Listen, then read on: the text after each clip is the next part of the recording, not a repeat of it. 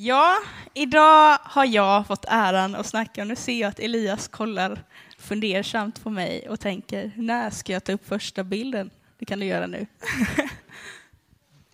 Eh, jag sa till Elias idag att eh, ja, jag vet inte riktigt när jag vill ha mina bilder och om jag ska använda alla mina bilder, men eh, du får lyssna helt enkelt. men jag tror att han kommer sköta sig exemplariskt. Idag så kommer jag som sagt prata om kampen mot ondskan. Och jag har valt att sätta en underrubrik idag som är en nyckel till kampen mot ondskan. För jag tror att det är lite svårt att täcka allting när vi snackar om det här ämnet. Men jag vill ge dig en nyckel idag. med det sagt så tror jag att det finns flera nycklar. Ja. Har du någon gång hört talas om Harry Potter? Ni kan väl räcka upp handen ni som vet vem Harry Potter är? Den där lille killen där. För er som inte vet vem Harry Potter är så skulle jag sammanfatta det kort i att Harry, han är en fiktionell karaktär, alltså en påhittad karaktär i en bokserie som är skriven av J.K. Rowling. Och Just Harry då, han är en trollkarl och han befinner sig på skolan Hogwarts med vänner och ovänner och vi får följa Harry och hans äventyr på Hogwarts i de här böckerna. Men just idag så vill jag fokusera på bok nummer tre. Är det någon som vet vad bok nummer tre heter här inne? Ja, titta. Snyggt! Fången från Askaban. Och i den här boken så stöter Harry och hans vänner på ja, men ganska vidriga varelser skulle jag säga ändå. Och jag tror vi har en bild på en av de här. Det här, mina vänner, det är en dementor. Och jag tror ni förstår mig när jag säger att det här vill man inte stöta på när man är ute på sin kvällspromenad. Nej, nej. Vad är då en dementor för någonting? Ja, i boken så beskrivs det som att när en dementor är i närheten, då blir allting kallt. Och det känns som att man aldrig kommer bli lycklig igen. Det är ganska hemskt. Och Harry, han har en viss otur när det gäller de här dementorerna. Han eh, stöter på dem ofta och det blir faktiskt ett problem för Harry. Så han beslutar sig för att ah, men det måste ju finnas en lösning, den ska jag hitta. Och det gör han. Den här lösningen, det är Patronusbesvärjelsen. Nu går vi djupt in i Harry Potter här. Mm. Patronusbesvärjelsen, den baseras på ett lyckligt minne och så bildar den som en ljussköld. Jag tror vi har en bild på det också. Då ser ni Harry med den här ljusskölden. Man ser inte så bra, men över där så är dementorerna. Harry lyckas alltså att få dessa dementorer att vika sig, att fly med hjälp av den här patronusbesvärjelsen. Men Emilia, du, nu har du ju bara babblat om Harry Potter i fem minuter va? Ja, förlåt. Nu går vi till Bibeln.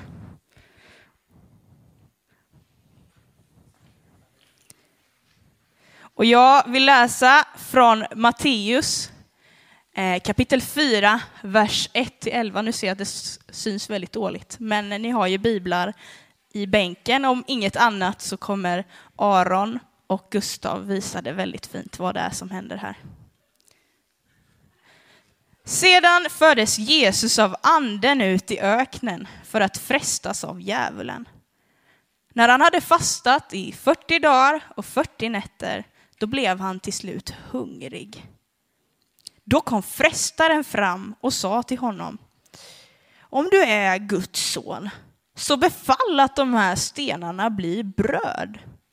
Jesus svarade, ja, det står skrivet, människan lever inte bara av bröd, utan av varje ord som utgår från Guds mun.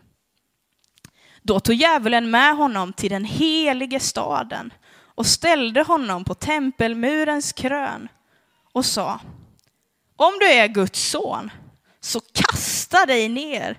Det står skrivet, han ska befalla sina änglar och de ska bära dig på sina händer så att du inte stöter din fot mot någon sten. Jesus sa till honom, det står också skrivet, du ska inte fresta Herren din Gud. Sedan tog djävulen med honom på ett mycket högt berg och visade honom världens alla riken och deras härlighet. Och han sa till honom, allt detta, det ska jag ge dig, om du faller ner och tillber mig.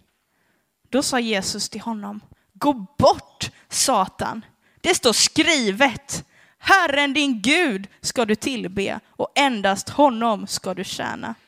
Då lämnade djävulen honom. Och änglar kom fram och betjänade honom. Tack så mycket Aron, Gustav och Petrus. Fantastiskt.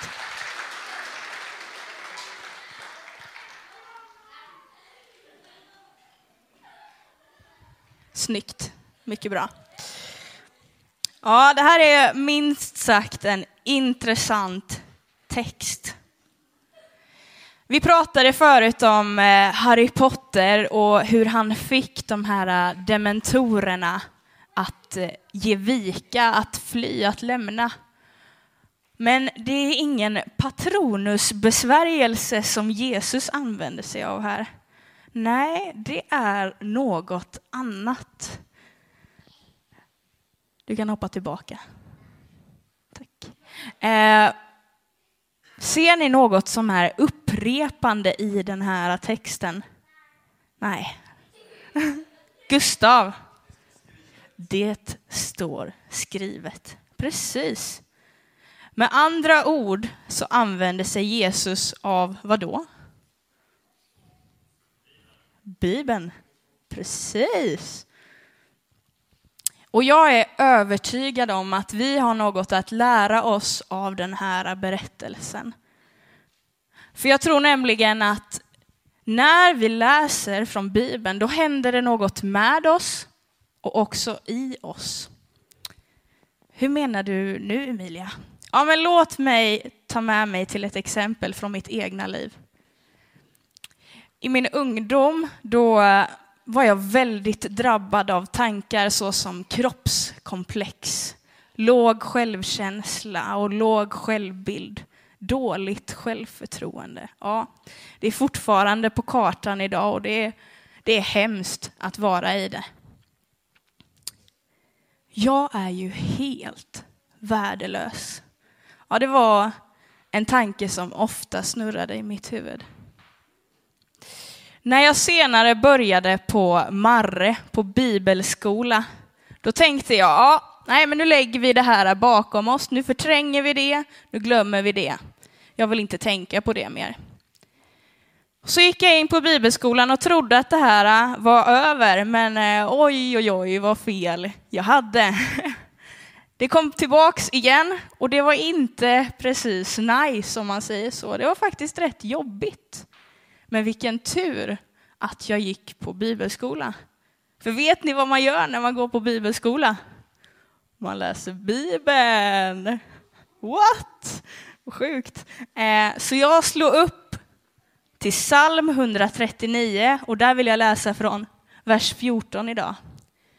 Jag tackar dig för att jag är så underbart skapad. Underbara är dina verk. Min själ vet det så väl.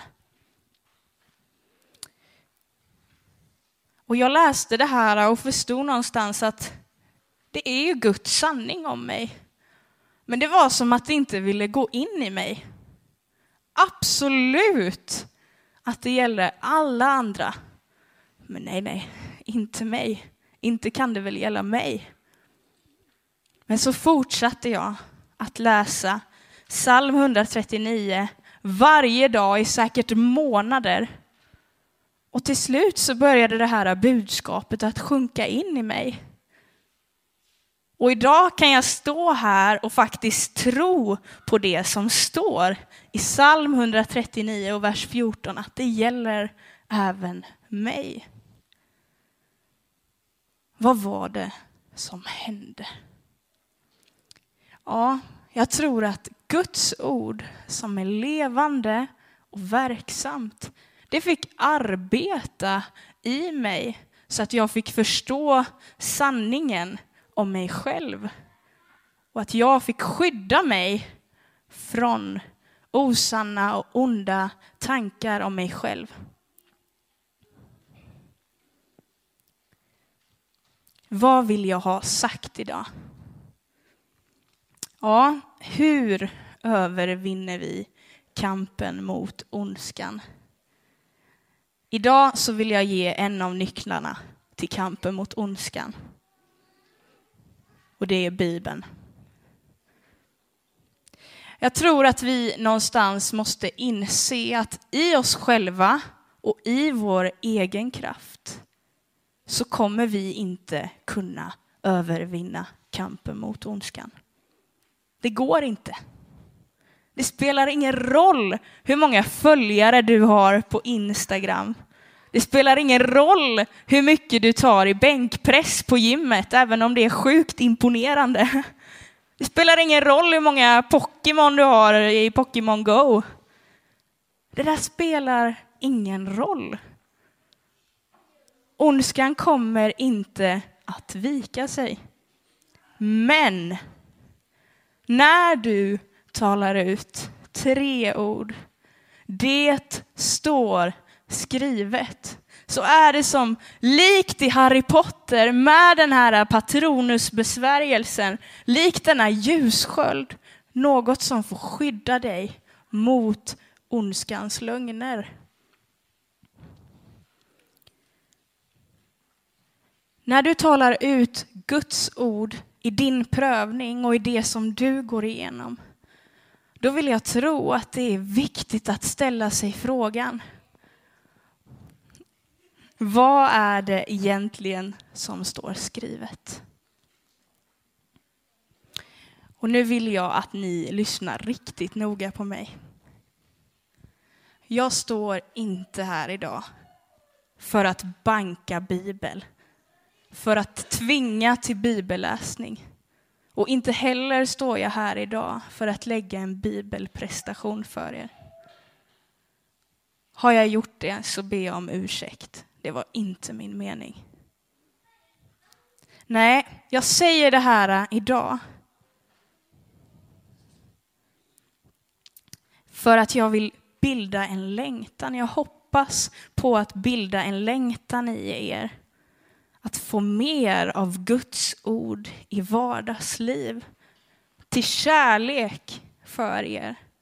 För jag tror att när vi läser Guds ord, ja, det är viktigt i kampen mot ondskan helt enkelt, den här boken. Och jag tror att det händer grejer när vi läser ur den här boken. Det är jag ett levande bevis på. Om vi återgår till den här äh, frågan, vad är det egentligen som står skrivet? Så vill jag berätta någonting som hände mig förra veckan. Ni vet, kampen mot ondskan, den eh, fortsätter även när man har tagit emot Jesus. Så är det, livet är inte enkelt. Och jag drabbades av den tanken att Emilia, du är ju bara en eh, jobbig liten skit. Vem vill ha med dig att göra? Så jag slog mig ner på knä i min lägenhet där hemma. Och det bara brast helt enkelt. Men så påminde jag mig om att just det, jag ska ju snacka om eh, vad det egentligen är som är, står skrivet på söndag nästa vecka. Kanske jag borde ta det till praktiken själv just nu. Och så slog jag upp återigen psalm 139 och läste. Blev det bättre direkt? Nej, det blev det inte. Men det är en tröst att få läsa vad som faktiskt är sant om en själv.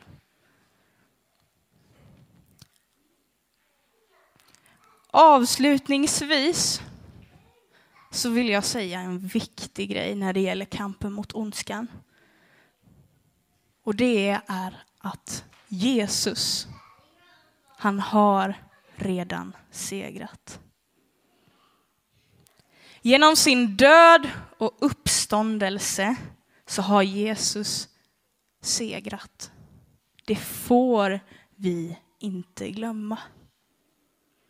Så fäst din blick mot korset. Påminn dig om vad han har gjort för dig av kärlek.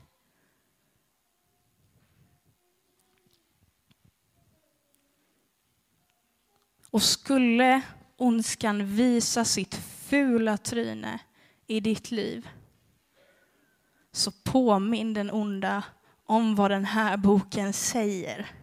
Vem är segrare och vem är förlorare? Vad är sanningen? Vi har blivit tillgivna denna fantastiska bok som är sprängfylld med sanningar. Och jag vill bara säga av kärlek idag, läs den. Tro mig, det gör skillnad.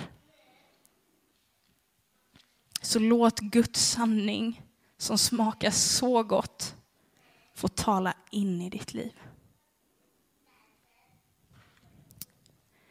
Amen.